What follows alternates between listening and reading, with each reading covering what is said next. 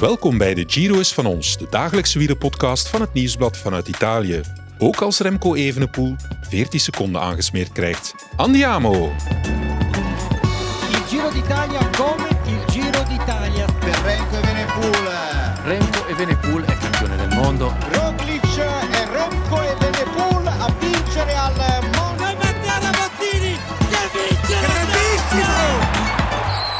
Ben Healy heeft zijn ritzege binnen. De revelatie van de Brabantse pijl en de Amstel Gold Race won in Fossombrone door weg te rijden van zijn medevluchters en pakte uit met een indrukwekkende solo van 50 kilometer.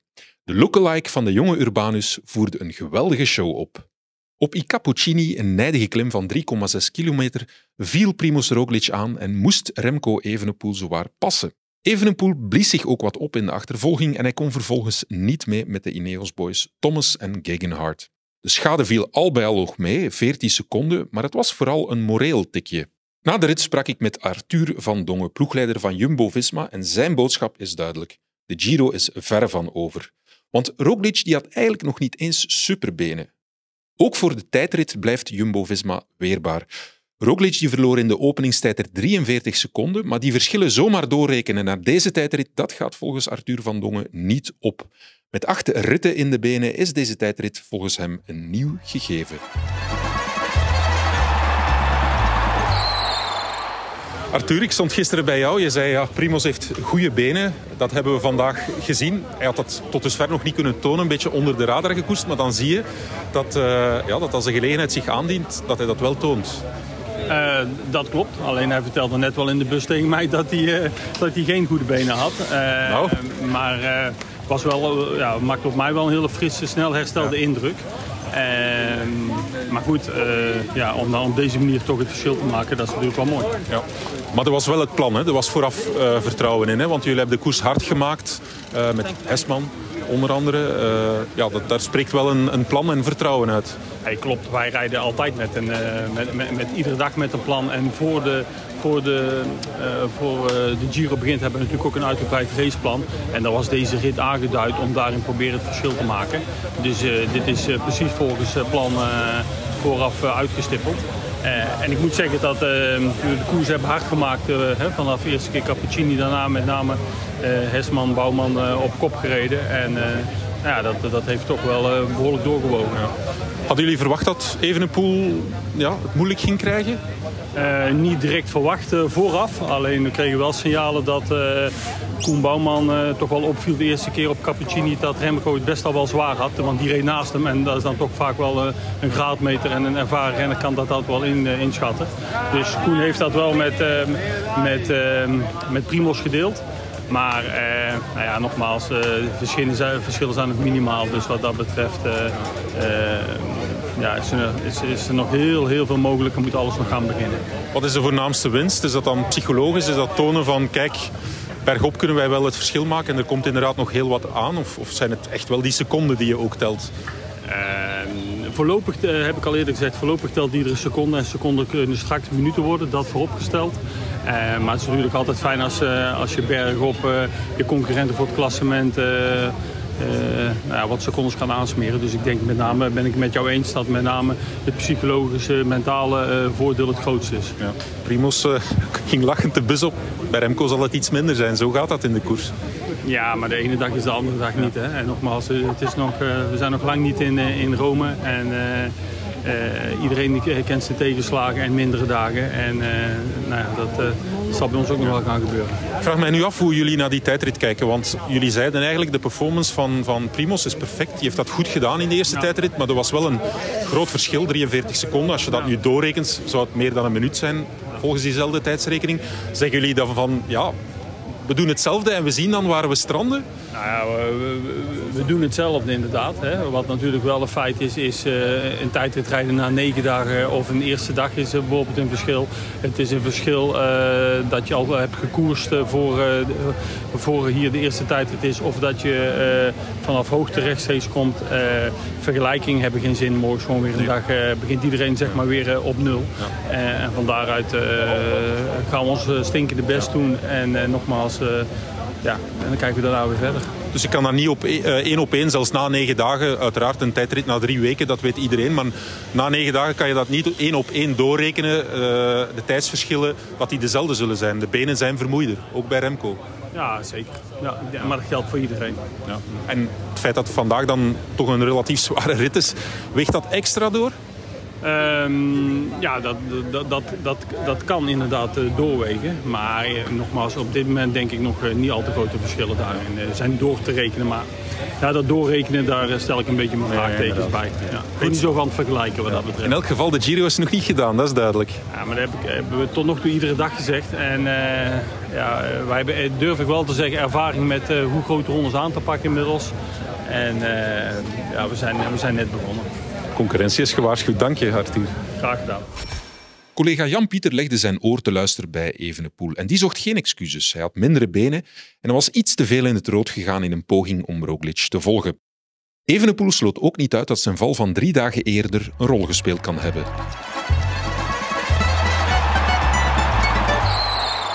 Uh, goh ja, natuurlijk niet met een beste dag. Uh, anders zou ik Roglic wel kunnen volgen, maar... Uh het leek er, uh, allez, het leek er naar uit te zien dat wij zeer goed voelen, want hij zit niet zomaar een ploeg op kop. Dus uh, hij wilde iedereen onder druk zetten vandaag en dat is goed genoeg, behalve Keken, Hart en Thomas. Thomas. Uh, nou, Thomas zakt eigenlijk wat dat Thomas deed, had ik beter ook gedaan. eigen tempo tot boven, want ik spring naar het wiel van Roglic op een meter of 7, 800 van de meet. En, we draaien linksop, nog met 400 te gaan en dan werd het wat steiler en dan uh, diepen mijn benen gewoon helemaal vol. Dus uh, ja, weer een les dat ik leer uh, van een ervaren renner. ja, een beetje, beetje jammer, een beetje dom misschien, want ik had zeker wel benen om te volgen, maar als ik ze dan verkeerd gebruik, dan, ja, dan is het extra, extra jammer. Maar gelukkig staan we nog met, een halve minuut voor voor het moment. En hopelijk kunnen we daar morgen nog een paar of hopelijk eh, een minuut bijplakken. Maar eh, ja, misschien een mindere dag, dat zal zeker wel zijn, want mijn benen voelen niet het beste aan op het einde zoals uh, het gisteren was in Lago Laceno bijvoorbeeld. Mijn lichaam is nog altijd herstellende. Uh, afgelopen nacht kwam er heel veel vanaf wel vocht uit mijn, uh, uit mijn wonden en op de pleister. Dus ja, het was... Het is sowieso wat herstellen van die vallen van die wondes, maar ja, positief bekijken en op naar morgen en maken dat ik gewoon kan uitpakken morgen hopelijk. Bij de start in Terni waren er twee gespreksonderwerpen heet van de naald. Was een boze brief van de internationale wielerunie UCI, waarin ze veroordeelden dat bepaalde renners vanuit Campo Imperatore met een helikopter naar het hotel waren gevlogen. Daarmee hadden ze een unfair voordeel gehad op concurrenten die met de auto of de bus terug moesten, al dus de UCI. Een van die renners was Remco Evenepoel. Bij Soudal Quickstep klonk het dat dat onzin was. Iedereen had de kans gekregen om gebruik te maken van die helikopter, al hing er wel een stevig prijskaartje aan vast van 3000 euro. En dan was er uiteraard de covid-besmetting van Filippo Ganna. De Italiaan kwam daardoor niet meer aan de start. Ineos is een grote motor kwijt en Evenepoel een concurrent voor de dagwinst in de tijdrit. Ik sprak met ploegleider Geert van Bond. Ja, Geert van Bolt, was zelf de brief aan het lezen van de UCI. Blijkbaar zijn ze een beetje boos omwille van de helikopterverplaatsing gisteren uh, van de berg af naar het hotel. Waar Remco onder andere gebruik van gemaakt heeft, maar niet alleen hij. Leg eens uit, want ja, die helikopter die is niet door jullie geregeld, hè, door de organisatie, dacht ik. Hè? Ja, dat klopt. Uh, ik denk dat er in mei een, uh, een, vergadering was met al de ploegleiders. En daar is besproken geweest dat er achter Gran Sasso en ik denk achter etappe 18, eh, denk ik. Uh, die bergetappe is ook nog een verre verplaatsing. Dat daar kon gekozen worden voor een helikopter. Voor alle ploegen, uh, per renner of renners dat je wilde, uh, die konden de verplaatsing, verplaatsing maken. We hebben gezien wat een lange verplaatsing. dus we hadden geopteerd voor vijf plaatsen in de helikopter, zoals Bora en Bahrein. En ja, nu is daar blijkbaar commotie rond, maar in principe hebben wij niets, niets verkeerd gedaan. Omdat het moet aangeboden worden door de organisatie en men mag het niet zelf organiseren. Dus bijvoorbeeld, we krijgen de hotels van de organisatie. En wij zouden in principe niet mogen zeggen, het is een slecht hotel. En we gaan ook veranderen van hotel. Je moet altijd in het hotel slapen van de organisatie. Dus het is hetzelfde gebeurd met die helikopter. Ja. Want ik herinner mij, het is jaren geleden, maar vroeger in de tijd van, van Team Sky gebeurde dat ook soms met renners. Dit is toch niet nieuw, hè? Nee, dit is zeker niet nieuw. Eh, dat gebeurt in uh, Ronde van Frankrijk, dat gebeurt in de Ronde van Spanje, dat er helikopterdiensten aangeboden wordt. Het is alleen de vraag, wil men het betalen? ziet men het nut ervan in? Ziet men geen nut ervan in? Maar ik denk dat er nu een paar ploegen zijn die misschien de meeting niet, niet goed geluisterd hebben. en ik denk dat er geen renners van Ineos bij zaten. Ja, geen renders van Ineos en ook geen renders van uh, Jumbo. Dus, maar ik denk dat ook bepaalde ploegen uh, hun hotel korter bij de aankomst waren. Wij hadden een hotel die verder weg lag, dus we hadden een lange verplaatsing na de aankomst. En daarom was het voor ons uh, de helikopterlander op 4 kilometer van het hotel. En daarom hebben wij voor die helikopterdienst geweest. Ja, wij krijgen net het nieuws binnen dat Ghana oud zou zijn met covid. Stel dat dat zo is, is dat ja, dat is natuurlijk in eerste instantie een jammere zaak, maar wat verandert dat? Het is toch wel een belangrijke kracht voor Ineos en ook ja, die tijdrit. Ja, vooral voor die tijdrit denk ik. Hij is toch een belangrijke kandidaat die, uh, die wegvalt. Uh, ik denk voor ons verandert er vooral veel, omdat hij zijn ook al een positief geval had van de renner van, uh, van Bora. En ik dacht ook iemand van Alpecin, dacht ik of zo. Dus ja, het sluimen er toch in het peloton. En daar zijn we denk ik het meeste bang voor van, van alles. En niet van, van Ghana wegvallen, maar vooral van COVID opnieuw in het peloton. Bij de start zocht ik ook Karel Vacek op, de 22-jarige Tsjech van Corratec Sella Italia, die tweede werd op Campo Imperatore. Ik heb het gisteren al verteld, hij was in de jeugd uh, de grote rivaal van Remco Evenepoel en wist hem zelfs een paar keer te kloppen. Op Campo Imperatore kon ik hem niet spreken, maar een dag later wel. Vacek bleek een sympathieke gast die lachend door het leven gaat, ook al is het leven niet altijd vriendelijk voor hem geweest. Hij had het met name heel zwaar toen zijn vader in de gevangenis belandde en toen twijfelde er zelfs over of hij zou doorgaan Maar het waren de herinneringen aan zijn duels met Evenepoel die hem deden doorzetten. Want, zo was zijn redenering, als hij in staat was geweest om Remco in de jeugd te kloppen, dan moest hij toch iets kunnen op de fiets. Vacek heeft vandaag enorm veel respect voor Evenepoel, maar in de jeugd botste het wel eens tussen hen twee.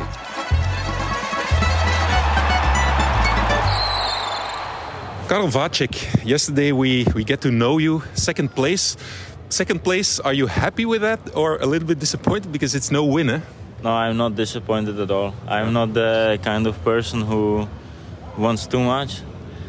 Uh, I I'm uh, not, really not disappointed because the other guy was just stronger than me. I gave everything uh, what I had, so I have really no regrets. Um, yeah, a lot of people maybe can judge or whatever, but I really don't care, and it's uh, just uh, yeah, I'm, I'm, enjoying the second place. Maybe I'm the happiest person who has uh, a second place. I don't know, but it's like this. That's a nice uh, attitude to be uh, to be in, in life and in cycling.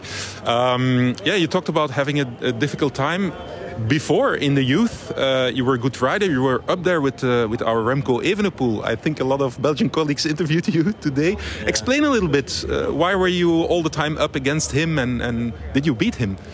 Yeah, I beat him a couple of times. I think uh, me and also him will never forget those times. It was a big rivalry between of us. Uh, yeah, but uh, we were juniors. We were small kids I have to admit I I've always uh, really had respect for him as a rider, not always as a person because he he was a little bit uh, um, too much for for me when uh, we were younger. But uh, now I have to say I have to give all the respect to him, and because he's a great rider.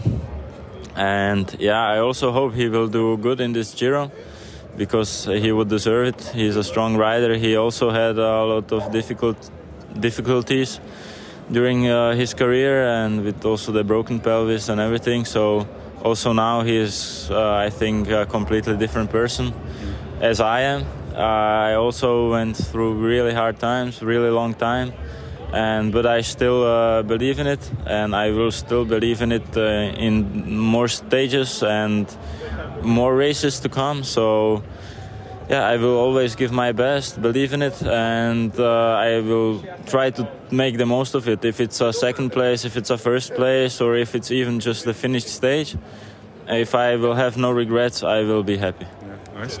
How come you raced in Belgium in that time? Um, I think I never raced in Belgium. I at ah, that time you, you, you raced against him in international yeah, races. I, ah, okay. I, I, raced against him in uh, in uh, Giro della Lunigiana, which was in Italy. I could beat him two times consecutively, and uh, also in the beginning of the season, I raced uh, against him in the Course de la Paix Juniors uh, in Czech Republic on home soil. So yeah, that was that was great. You had the advantage there. Yeah, for sure, uh, for sure. Uh, but uh, yeah, it's yeah. I, as I said, it was uh, different times, also great times. Now we are uh, in different times, maybe even better times. So yeah, all the respect to him, and I, as I said, I, I want nothing bad for him. I've always respected him, uh, and uh, he's a great rider. I mean, he's one of the sm- not many riders that uh, really from big rivals. I can't say we are best friends, or I can't say that maybe we will be best friends one time, but uh, I don't know. But I think uh, the, the, guys who maybe at the beginning are the biggest drivers maybe then become friends or have more respect for each other. Yeah. Because uh, I know I know exactly what he has come through, and um, he he also suffered a lot. So that's uh, that that gives more credit to him, and because I I have overcome also some difficult times, so I I feel with him, and I hope he can do very good in this year. At the time, he came from football. Were you aware of that story? Was he others? Was he a little bit others than a normal cyclist because he came from football? Um, you know the the best guys or the guys who have who are, who are special in cycling, in life, or in different sports are are, are always different. I think it's not because he came from football, but he is just uh, born different, but in a good way. Because if you are born different, then uh, then you have then you have something special in you, and and if you are born like him with this huge talent and, and everything, so that's um, that's a. And uh, it's nice to see people like him uh, nowadays because uh, because it's always nice to, to be around so special people. Was it at a certain time maybe demotivating because he was so good and you had to race against him? On the other hand, I heard that you also said that he was an inspiration after the, the difficult times to, to, to continue cycling because you, you beat such a good guy and you said, I cannot lose the talent. Maybe the two, the two things are in, in that rivalry with him. Explain a little bit.